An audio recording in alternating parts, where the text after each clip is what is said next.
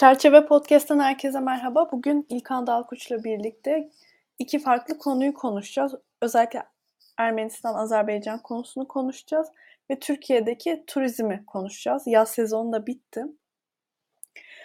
Ee, bu konuyu aslında Twitter'da bize Murat Yaşar Akar yazmıştı turizm konusunda e, konuşun önemli diye. Buradan teşekkür de edeyim bize bir e, fikir, ilham olduğu için. Twitter'da bu tarz yorumları da biz İlkan'la birlikte ciddiye alıyoruz.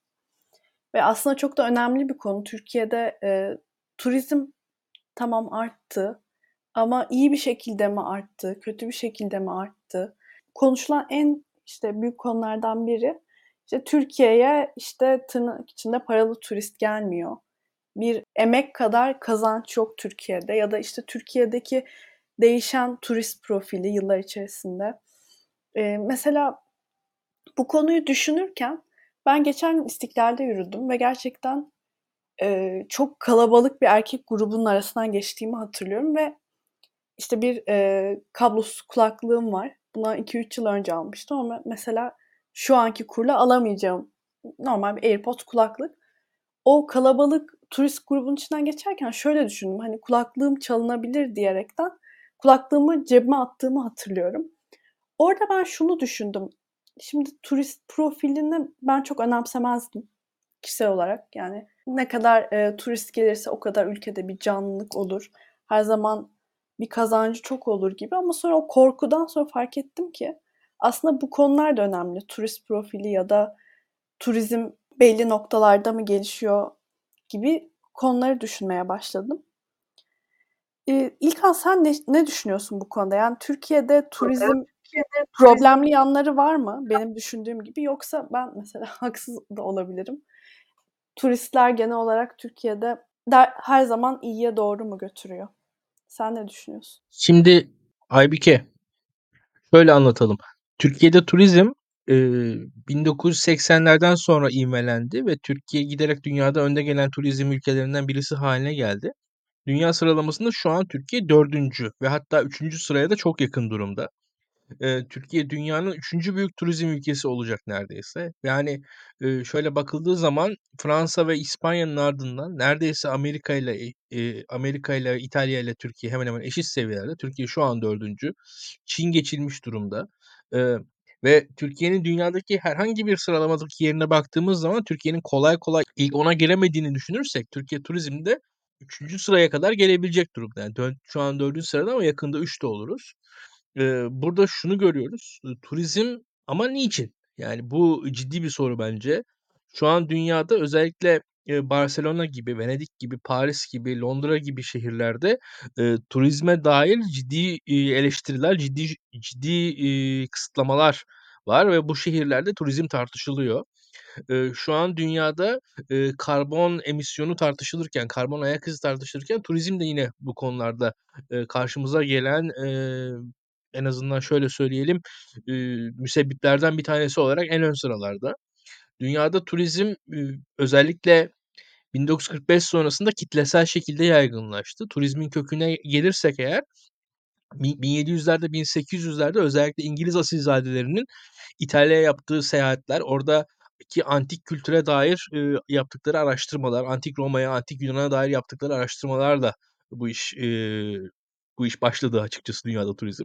Lord Byron, herkesin bildiği ünlü yazar, bu antik araştırmalarının, yolculuklarının sonunda neredeyse Yunanistan'a gelmiş ve Yunanistan Bağımsızlık Savaşı'na bile katılmıştı. O İngiliz aristokratlarının ve entelektüellerinin yaptıkları seyahatlerle başla başlatılan o turizm alışkanlıkları, İtalya'da ve, eee, İsviçre Alplerinde İngilizler başlatıyorlar bunu. Sonrasında Fransız, eee, Riviera'sı denilen Fransa'nın güney sahillerinde, eee, Marsilya'nın doğusuyla İtalya, eee, sınırına kadar olan bölgedeki turizm büyüyor ve buradan sonra adım adım aslında tüm dünyaya yayılıyor. Eee, eee, bu jet motorlarının ve Atlantik'i aşan uçakların, eee, devreye girmesiyle beraber Amerika bu sektörde belirleyici oluyor. Amerikan otelleri, eee, dünyada bir kültürün, eee, taşıyıcısı oldular uzun sürelerde, eee, ve Amerikan hayat tarzının taşıyıcısı olarak ye yer ettiler.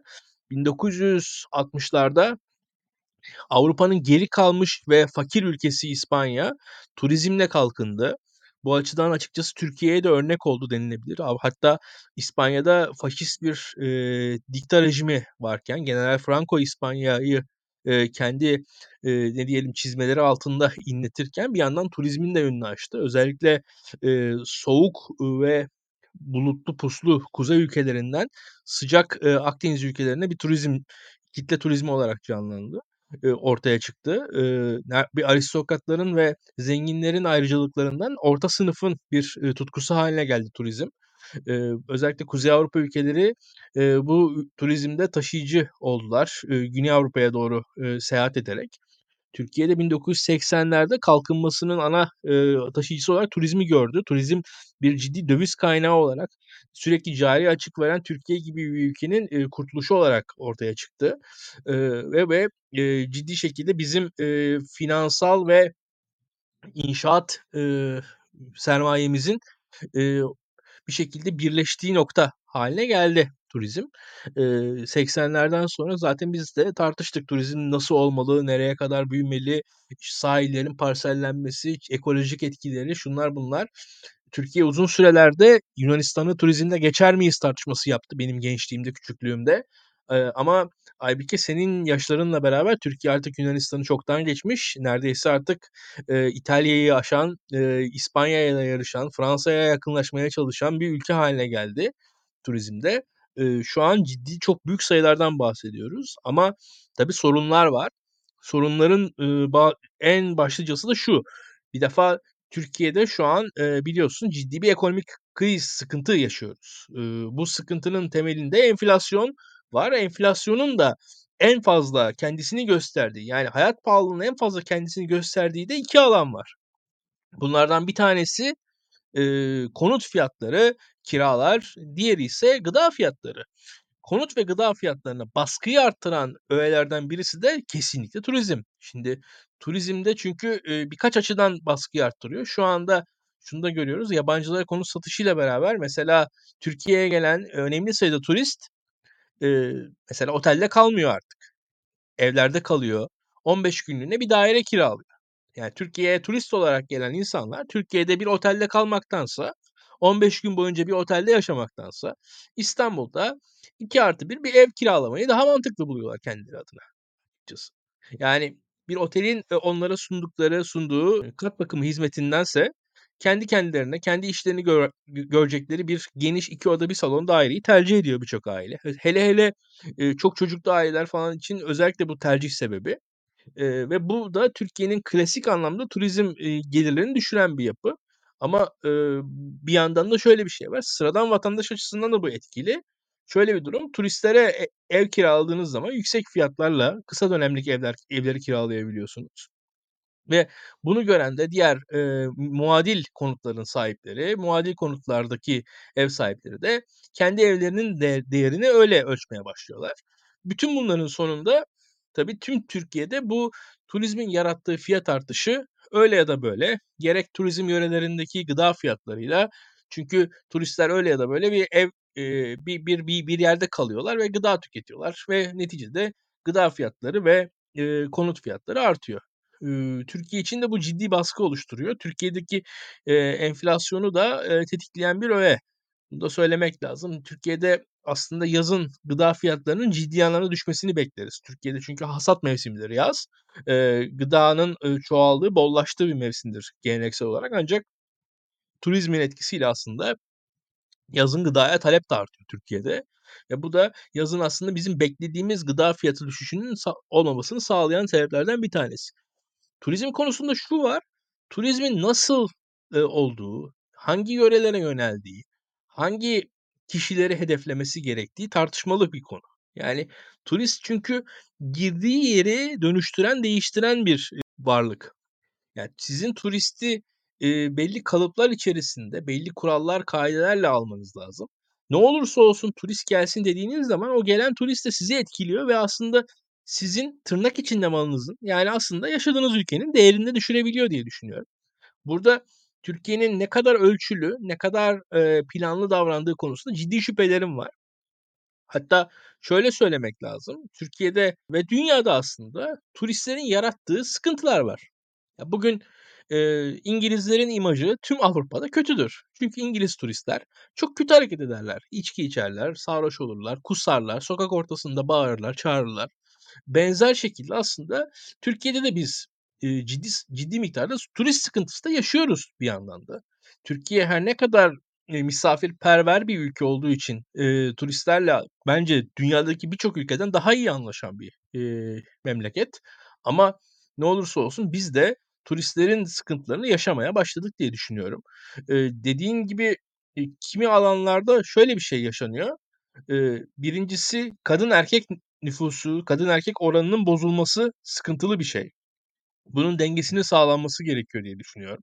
Bunun bunun bu dengenin bozulduğu yerlerde güvenlik riskinin oluştuğu kanaatindeyim. Onun yanında doğrusunu söylemek gerekirse biz hep, eee, kimi hanımlara yapılan, eee, edepsiz hareketlerin, yani bu video çekmek falan filan o tarz taciz hareketlerinin arkasında, eee, genelde mültecileri gördük, eee, sığınmacıları hedef aldık, alındı. Bu bunları bunlar yapıyor dendi ama onların bir önemli kısmının da o tarz, işte, TikTok videoları falan çekenlerin turist olduğunu düşünüyorum ben. Çünkü klasik anlamda bir yerde yaşayan, eee, insan, eee, neticede kendi ailesi de orada yaşadığı için hareketlerine bir ölçüde daha dikkatli eee, şekilde çekidüzen verir diye düşünüyorum. Turistlerde ise Türkiye'de nasılsa geçici, Türkiye'deki kurallar, kaideler onun için zaten o kadar önemli değil. O yüzden kurala, kaideye daha az uyan, nispeten daha kontrolsüz bir kitlenin turistlerde olabileceği kanaatindeyim. Bu da sıkıntı yaratıyor Türkiye'de diye düşünüyorum. Yine toplu taşımalarda vs. rahatsız olan insanlar falan görüyoruz. Doğrusu ben dünyada ve Türkiye'de turizmin bugün olmasa yarın, eee, bir ölçüde kısıtlanacağı kanaatindeyim. Yani belli illerde, belli yörelerde turizm kotalarının konacağını, kimi yerlerde belki yeni otel yapımına izin verilmeyeceğini düşünüyorum. Yavaş yavaş bu tarz turizmi sınırlayan yaklaşımların gelecekte karşımıza geleceği kanaatindeyim. İstanbul'un nüfusunun, eee, belli bir miktarı geçmemesi gerektiğini konuştuk yıllar boyunca. Yani İstanbul 10 milyonluk bir İstanbul mu olsun, 5 milyonluk mu, 20 milyonluk mu, 15 milyonluk mu, 30 milyonluk mu, 40 milyonluk mu soruları İstanbul'un şehirleşmesi bağlamında hepimizin aklında olan sorulardı. Mesela İzmir için de 5 milyonluk bir İzmir mi, 10 milyonluk bir İzmir mi sorusu vardı her zaman aklımızda. Mesela Antalya için de 3 milyonluk bir Antalya mı, 5 milyonluk bir Antalya mı sorusu sorulabilir aynı şekilde. Buna benzer aslında Türkiye'ye ne kadar turist gelsin sorusunu da sormamız gerektiği kanaatindeyim. Yani Türkiye'nin mesela dünyanın en çok turist alan ülkesi olmasını hakikaten istiyor muyuz? Bu kadar turisti taşıyacak kapasitemiz var mı? Bu kadar turist, atıyorum, evlerde kaldığı zaman artacak kiraların toplumda yaratacağı sıkıntıları karşılayacak gücümüz var mı? Bu kadar turistin, eee, etkisini, eee, sosyal olarak, eee, ekonomik olarak ne kadar taşıyabilir miyiz emin değilim. Eee, bu ölçüde şunu da söylemem lazım. Kimi ülkelerde dahi bir kere mesela o ülkelere yapılan, eee, bayrak, eee, taşıyıcısı, eee, hava yollarının seferlerini sınırlıyor bazı ülkeler. Mesela turist gelmesinin çok istenmediği ülkeler var. O ülkelere sefer sayısı düşürülüyor ve o ülkelere sefer sayısı düşürüldüğü için zaten uçak bileti fiyatları çok fazla artıyor. Yani haftada bir, bir ülkeden diğerine, eee, atıyorum İtalya'ya sefer olduğu zaman İtalya'ya gitmek için sizin, eee, $4.000-5.000 para vermeniz gerekiyor ve zaten aslında fiili olarak turizmi sınırlamış oluyorsunuz.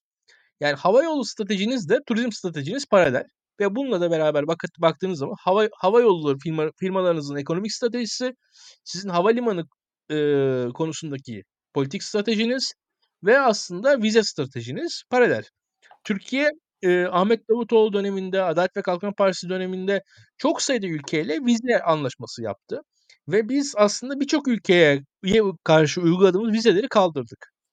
Ve vize verirken çok cömert, çok bonkör davranan bir ülke hâline geldik. Bu da Türkiye açısından tartışmalı. Türkiye'nin, eee, Türkiye vizesi almanın açıkçası nasıl biz Türkler açısından, eee, Schengen vizesi almak, İngiltere vizesi almak, Amerika vizesi almak zorsa benzer bir zorlukta olması gerektiği kanaatindeyim ben. Türkiye'ye vize almanın zorluklarını çok azalttığımız görüşündeyim. Yine benzer şekillerde aslında burada, eee, kalıcı ikamet izinlerinin nasıl verildiği, kalıcı, eee, çalışma izinlerinin nasıl verildiği, öğrenci vizelerinin nasıl verildiği, vatandaşlığın nasıl verildiği gibi sorular da eklenebilir. Türkiye'de aslında bu total bir politika meselesi. Yani biz aslında Türkiye'de, Aybüke yıllarca işte sığınmacı, mülteci konusunu eee, İran sınırından yürüyen Afgan çobanlar üzerinden değerlendirdik ama olay somut, eee, ekonomik verilere dayanan ve, eee, açıkçası gayet de çetrefilli politika tercihlerine dayanan bir şey. Bunların çok daha net bir şekilde ve veriye dayanan şekilde konuşulması gerekiyor. Biz bunların sonuçlarını görebiliyoruz ancak. Eee, doğrusunu söylemek gerekirse gerçekten nasıl bir İstanbul, nasıl bir Antalya, nasıl bir İzmir istediğimizi, nasıl bir Muğla, nasıl bir Aydın istediğimizi, Konya'da, Nevşehir'de kimlerle karşılaşmak istediğimizi hepimizin sorması gerekiyor. Türkiye'nin eğitim politikası için de benzer sorular bence geçerli. Eee, bu açıdan turizm tartışmaya değer, eee, tartışılmaya değer. Senin Aybüke, eee, İtalya tecrübelerin var. Yani İtalyan şehirlerinde de turistlere karşı yaklaşım, eee, bence tartışılırdır. Yine aynı şekilde Venedik'te çok ciddi protestolar olduğunu biliyorum ben turizme dair. Eee, ve bi bir şekilde turizm sınırlanmaya da çalışılıyor orla oralarda. Oralarda da, eee, turizme dair farklı görüşler yavaş yavaş yükseliyor. Yine aynı şekilde bu işin karbon ayak izi boyutunun da gelecek yıllara daha da fazla tartışmalı hâle geleceği kanaatindeyim. Eee, beraber göreceğiz. Türkiye'nin, eee, turizm meselesinin yani şöyle söyleyeyim, turizm bacasız sanayi diye adlandırılır Türkiye'de ve gerçekten de girdilerine girdilerinin yerli çıktısının çıktısının ise döviz olduğu bir sektör. Yani turizmin girdisi bakarsanız deniz, kum, güneş, Türkiye'nin doğal, tarihi, kültürel güzellikleri. Onun yanında, eee, doğrusu bina, inşaat, gıda ve bunlar da Türkiye'nin tamamen yerli üretimi. Tamamen yerli üretim sonucunda döviz kazandığınız bir sektör. Çok da kârlı olmasa bile Türkiye'ye döviz getirdiği için Türkiye için çok değerli ve kritik bir sektör turizm. Ancak, eee, şu da gözüküyor mesela Rusya'yla yaşadığımız o uçak düşürme krizi, eee, vesilesiyle bir anda Rus turistlerin Türkiye'den kaçıp gittiğini gördük. O yüzden de aslında çok da fazla güvenilmemesi gereken bir sektör olduğunu da anlamamız gerekiyor turizmin. Yani turizme dayanarak bir kalkınma bu örneğin bugün İspanya'nın yaptığı gibi gerçekleştirilebilir mi? Çok kolay görmüyorum ama öte yandan Türkiye'nin turizmle, eee, ne kadar ileri gidebileceği sorusu da ayrı bir soru olarak ortada duruyor. Eee, bir yaşam kültürünün Türkiye'de, eee, değişmesi, Türkiye'nin bir ölçüde kimi lükslere alışması konusunda turizmin bence payı var. Bugün Türkiye'de, eee, yemek sektörünün, eee, servis sektörünün gelişmesinde turizmin çok ciddi payı var ama, eee, bir yandan da tüm Türkiye'nin, eee, işi gücü bırakıp sadece turizme odaklı, turizme hizmet eden bir ülke, turizm için çalışan bir ülke olması da gülünç olur. Bunun bazı örneklerini pandemide yaşadık hatırlarsın. Türkiye'de, eee, Türklere denize girmenin yasak, turistlere denize girmenin serbest olduğu absürt anları bile yaşadık. Bu bir zihniyet meselesi. Ülkeye, vatandaşına nasıl bakın baktığınız ve bakma bak nasıl bakıyorsun onun meselesi. Turizm, eee, niçin önemli? Eee, buna bakmak lazım. Türkiye'de turizmin bu kadar kutsal sayılmasını sorunlu buluyorum kendi adıma. Eee, turizm, eee, tabii ki total olarak reddetmiyoruz ama turist gelsin de ne olursa olsun, eee, denmesinin de aksine daha fazla sorun yaratacağını açıkçası görüyoruz diye düşünüyorum. Bugün, eee, dediğin gibi eğer Türkiye'de, eee, yani 22 yaşında genç bir, eee, aydını, eee, rahatsız ediyorsa turistler bu bence bir sorundur. Açıkçası kendi yaşadığın sorun bence gayet önemli bir sorun. Bugün, eee, Türkiye'de, eee, vatandaşımız rahatsızsa bence bunu sorun etmek gerekir diye düşünüyorum. Ha, bu nasıl çözülür? Ayrı mesele. Yani Türkiye'ye daha kaliteli turist gelmesi, Türkiye'deki turistlerin, eee, atıyorum daha fazla aile formatında Türkiye'ye geliyor olmasının sağlanması, eee, gibi çözümler, eee, ortaya konabilir. Eee, burada özellikle gerçekten de şuna bakılır. Yani, eee, en basitinden polisler bile sokakta hangi arabayı çevireceklerini biliyorlar. Türkiye'ye de vize Türkiye'de vize verirken kimlere vize vereceğini, kimlere vize vermeyeceğini bizim, eee, kamu görevlilerimizin daha iyi seçmesi gerekiyor diye düşünüyorum. Yani, eee, vize verirken birazcık daha seçici olursa, eee, bizim dışişlerimiz, bizim elçiliklerimiz birçok sorunun kendiliğinden çözüleceğini düşünüyorum ama bu bir paradigma meselesi dediğim gibi. Vize verirken seçici olacak ülke açıkçası pandemide de vatandaşlarına turistlerden daha sıkı yasaklar koymazdı. Biraz da bunu düşünmek lazım. Demek ki bizde başka sorunlar var. Yani bizde vatandaşa bakış sıkıntılı. Yani bizde tabii ki turiste bakış sıkıntılı diyorum da bizde esas mesele sıkıntı vatandaşımıza olan bakış bence. Ya bir de şöyle bir durum var. Şimdi biraz bu ekonomik krizin de getirdiği bir şey. Mesela çok güzel turizmle alakalı yerler, beach'ler ya da konut ya da taksiciler tabii ki e, yaban, yabancı turisti tercih ediyor. Daha çok parası olmasıyla alakalı. Burada da artık mesela ben sosyal medyada çok sık görüyorum. Yani kendi ülkemizin güzelliklerini bir biz yaşayamıyoruz. Mesela Çanakkale'de bazı şarap bağ, bağları vardı. Sadece yabancı turiste kapatıyordu bazı bölgelerin. Yani bu aslında ekonomik kriz bu kadar derin olmasa aslında çok da böyle büyük büyük farkları hissetmezdik diye düşünüyorum. Biraz bunun getirisi. Bir de şimdi Venedik, e, Amsterdam gibi yerler ayak bastı ücretine geçiyorlar yavaş yavaştan. Yani bu artık çok çok fazla turistle birlikte hayat kalitesinin düşmesini istemiyorlar vatandaşların. Bence ben bunu olumlu buluyorum. Çok çok fazla yığılma gelen turist için de kötü. Yani bakıyorsun çok büyük bir kaotik bir ortam var. Niye gelesin? Daha sakin bir yeri tercih edersin. Biraz e, turizmin sınırlandırılması ya daha kontrollü şekilde olması gelen turistin de alacağı hizmeti çok etkiler. Hem yaşayanların hayat kalitesini de korur. En azından ben böyle düşünüyorum. Buna uygun politikalar geliştirmek için birazcık işte ekonomik olarak düzelmek gerekiyor. Ee, Türk lirasının değer kazanması gerekiyor. Ya en azından ben öyle düşünüyorum. Şu durumda bir harekete geçileceğini ben düşünmüyorum ama umarım olur. Azerbaycan-Ermenistan konusunu konuşalım istiyorum. Ee, bölgede sık sık çatışmalar oluyor. Şimdi bu son savaşta Azerbaycan artık iyice e, üstünlüğü elde etti. E, biraz bunları konuşalım istiyorum seninle. Çünkü e, Laçin koridoru vardı. E, Rusya üzerinden birçok yardım geliyordu. Mesela Kızıl Harç üzerinden yardım geliyordu bölgeye. Fakat mesela Azerbaycan bu süreçte e, silahlanma olup olmayacağını e, bilemem diye kontrol etmek istedi. Ermenistan bunu kabul etmedi. Özellikle Azerbaycan'ın üstünlüğe sahip olmasını istemediğinden dolayı böyle şeyleri kabul etmedi. Şimdi bu son artık savaştan sonra Azerbaycan'ın üstünlüğünü görüyoruz. Özellikle e, Ermenistan'da hep Rusya'nın desteği vardı. Fakat özellikle bu Ukrayna savaşı sonrası Ermenistan'a çok destek olamadı Rusya. Ki Ermenistan'da e, özellikle Paşinyan daha batı yanlısı bir liderdi önceki e, Ermeni liderlere göre. E, Amerika ile birlikte e, bir tatbikat yap, yaptı bu süreçte. Ama bir yandan da 2040'a kadar Rusya'nın Ermenistan'da üssü var. Bu da Rusya'yı rahatsız etti.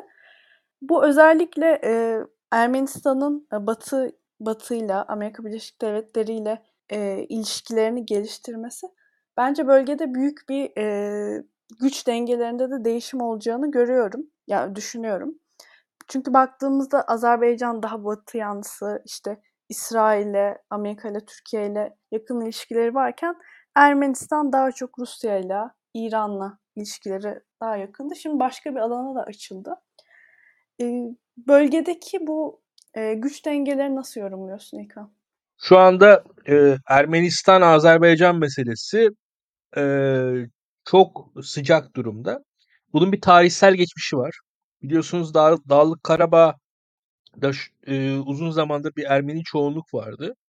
E, Stalin zamanında kurulan e, milletler arası denge e, politikasının sonucu aslında. Bir yandan da şöyle hem Ermenileri hem Azerileri birbirleriyle çatışmasını sağlayacak bir dengede tutarak e, merkezi idarenin bu çatışmayı çözücü ara bulucu konumunu güçlendiren bir strateji izlendi. Burada Azerilerin Nahçıvan'ı Ermenistan'la Nahçıvan'ına Azeriler ulaşamazken Karabağ'da Ermeniler ulaşamıyordu. Buradaki geçişler aslında bir yandan da sağlanırken de Sovyetler Birliği'nin o bütünlüğünün korunması sağlanıyordu. Öyle söyleyebilirim. Basitçe strateji biraz böyleydi. Buna benzer stratejileri aslında ararsanız Orta Asya'da da bulursunuz. Orada da Fergana Vadisi'ni ikiye üçe böldü Stalin. Ee, bunun yanında e, Kazakistan'ın Tataristan'la, e, Başkürdistan'la bağlantısını bir şekilde kesti. E, Sovyetler Birliği'nin o iç haritası çizilirken e, ciddi anlamda bir e, demografik strateji güdüldü.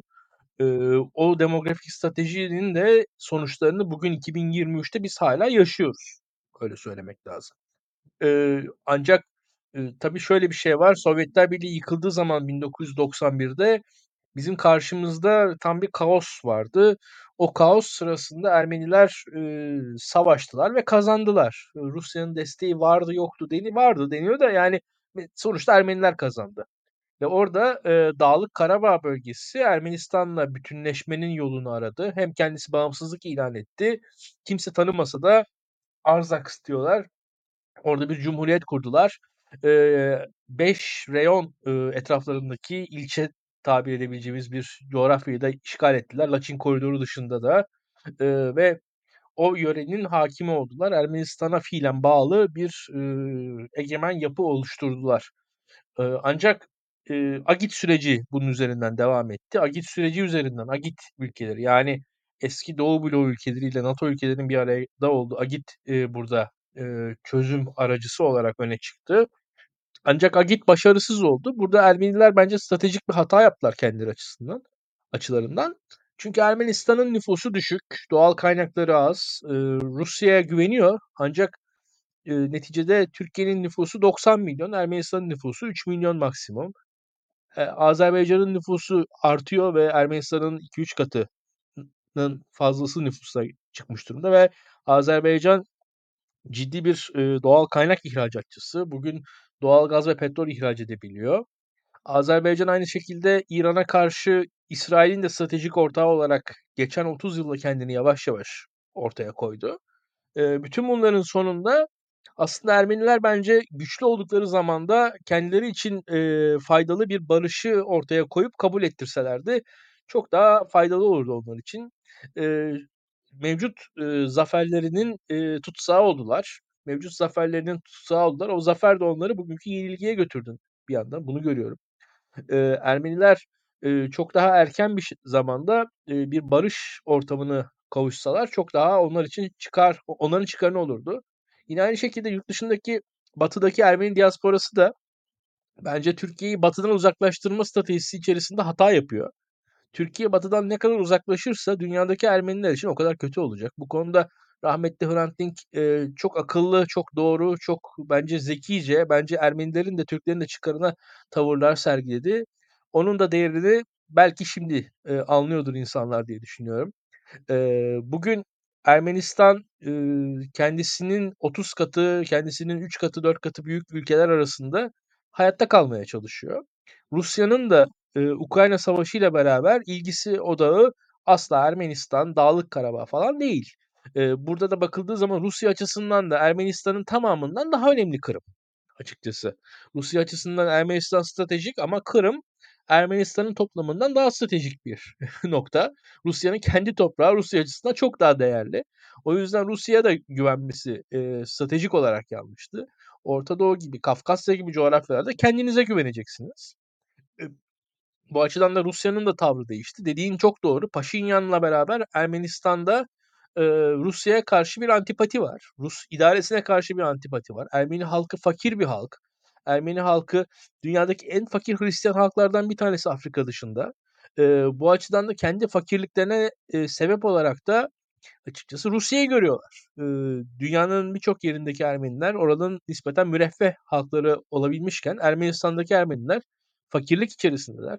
Bu fakirliğin müsebbibi olarak da Rusya gözüküyor. O yüzden Ermeni toplumu da Rusya'ya karşı tepkili. Eee, bu tepkinin neticesinde Paşinyan seçiliyor.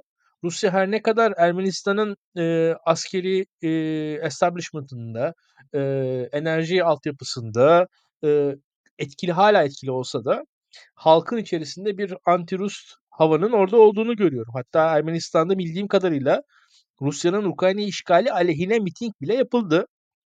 Eee, bu da Ermeni toplumunun aslında tepkisini ortaya koyuyor Ruslara karşı. Ruslar Ermenistan'da yumuşak güçlerini ortaya koyamadılar. Sadece sert güçle oradalar. Eee, ancak o sert güçleri güçleri konusunda da Paşinyan yönetiminin birazcık, eee, burnunu sürttürmek istiyorlar. Amerika'yla Ermenistan arasındaki tatbikattan bahsettin ama o tatbikat bile açıkçası, eee, düşük boyutlu bir tatbikat. Yani, eee, gerçek anlamda bir Amerikan askeri varlığı Ermenistan'da ya da Dağlık Karabağ'da yok. Orada savaşlar sahada kazanılıyor. Neticede de İsrail'in de Azerbaycan'ın yanında olduğunu düşünüldüğümüzde Batı ittifakı da Ermenistan'ın tam olarak yanında değil. Rusya'nın bölgeye ilgisi, alakası azaldıkça Ermenistan kendisine, eee, müttefik aradı. eee, Hindistan'dan, eee, ciddi miktarda, eee, askeri alışveriş yapmaya çalıştı. Hindistan'dan özellikle Rus sistemlerine uygun mühimmatlar, eee, yeni, eee, kimi topçu sistemlerini aldı ama ve almakta diye hatırlıyorum ama, neticede Ermenistan da biliyor ki Hindistan'ın da bölgeye ilgisi alakası asla Rusya kadar olamayacak. O yüzden sahadaki sert gerçeklikler, bu konuda daha etkili. Ermenistan neticede, şu anki mevcut uluslararası hukuk bağlamında da güçlü noktada değil. Birleşmiş Milletler, Sözleşmesi'ne göre Dağlık Karabağ neticede Ermeni toprağı değil, Azeri toprağı. Yani oradaki her ne kadar nüfusta Ermeni çoğunluk olsa da BM, eee, kapsamında baktığınız zaman Azerbaycan'ın eli çok daha kuvvetli ve Azerbaycan'ın da şu an açıkçası hem Türkiye hem İsrail gibi 2 askeri olarak tecrübeli ülkeyle çok yakın, eee, askeri ilişkisi var. Azerbaycan özellikle Ermenistan Savaşı sırasında hem Türk, eee, insansız hava araçlarını hem İsrail insansız hava araçlarını kullandı. Ciddi anlamda hem enformasyon için hem de Ermeni taşıtlarını parçalamak, eee, yok etmek için kullanıldı bunlar. Eee, bir yandan da Azeri ordusu da iyi eğitim almış bir orduydu. Ermenilerin beklediğinden daha iyi performans sergiledi diye düşünüyorum. Eee, burada gözüken o ki Ermenistan şu anda Dağlık Karabağ'a destek vermeyi durduracak. Eee, Dağlık Karabağ destek daha doğrusu Dağlık Karabağ destek vermek için Azerbaycan'la bir savaşı Ermenistan şu an göze alamıyor. Burada kritik nokta bu zaten. Ermenistan şu anda Azerbaycan'a karşı bir saldırıda bulunmayı göze alamıyor. Er Azerbaycan Dağlık Karabağ'a karşı elini yükselttikçe muhtemelen Dağlık Karabağ eee, bir şekilde Azeri yönetimi altına adım adım geçecek. Burada Rusya'nın, eee, etkisi hâlâ önemli. Rusya bildiğin gibi, eee, bu son, eee, çatışma sonrasında Dağlık Karabağ'a barış gücü askeri olarak girmişti. Rusya Dağlık Karabağ'daki kendi varlığını ne kadar korumak ister, orada tutmak ister mi istemez mi bu biraz tartışılır. Ama Rusya'nın da, eee Rusya'nın da buradaki tavrını, eee, bence biraz zaman gösterecek. Ruslar çünkü, Ermenilerin, doğrusu, onlara daha fazla, Ruslara daha fazla yaklaşmasını bekliyorlar, umuyorlar diye düşünüyorum. Beraberce izleyeceğiz bu süreci. İlkan çok teşekkür ederim yorumların için. Seni dinlemek çok keyifli. Eee, izleyicilerimize de çok teşekkür ediyorum. Özellikle böyle konu tavsiyeleri olduğunda biz İlkan'la çok ciddiye alıyoruz. Eee, fikirleriniz olursa mutlaka bize, eee, Twitter'dan da ulaşabilirsiniz. Herkese iyi günler dilerim.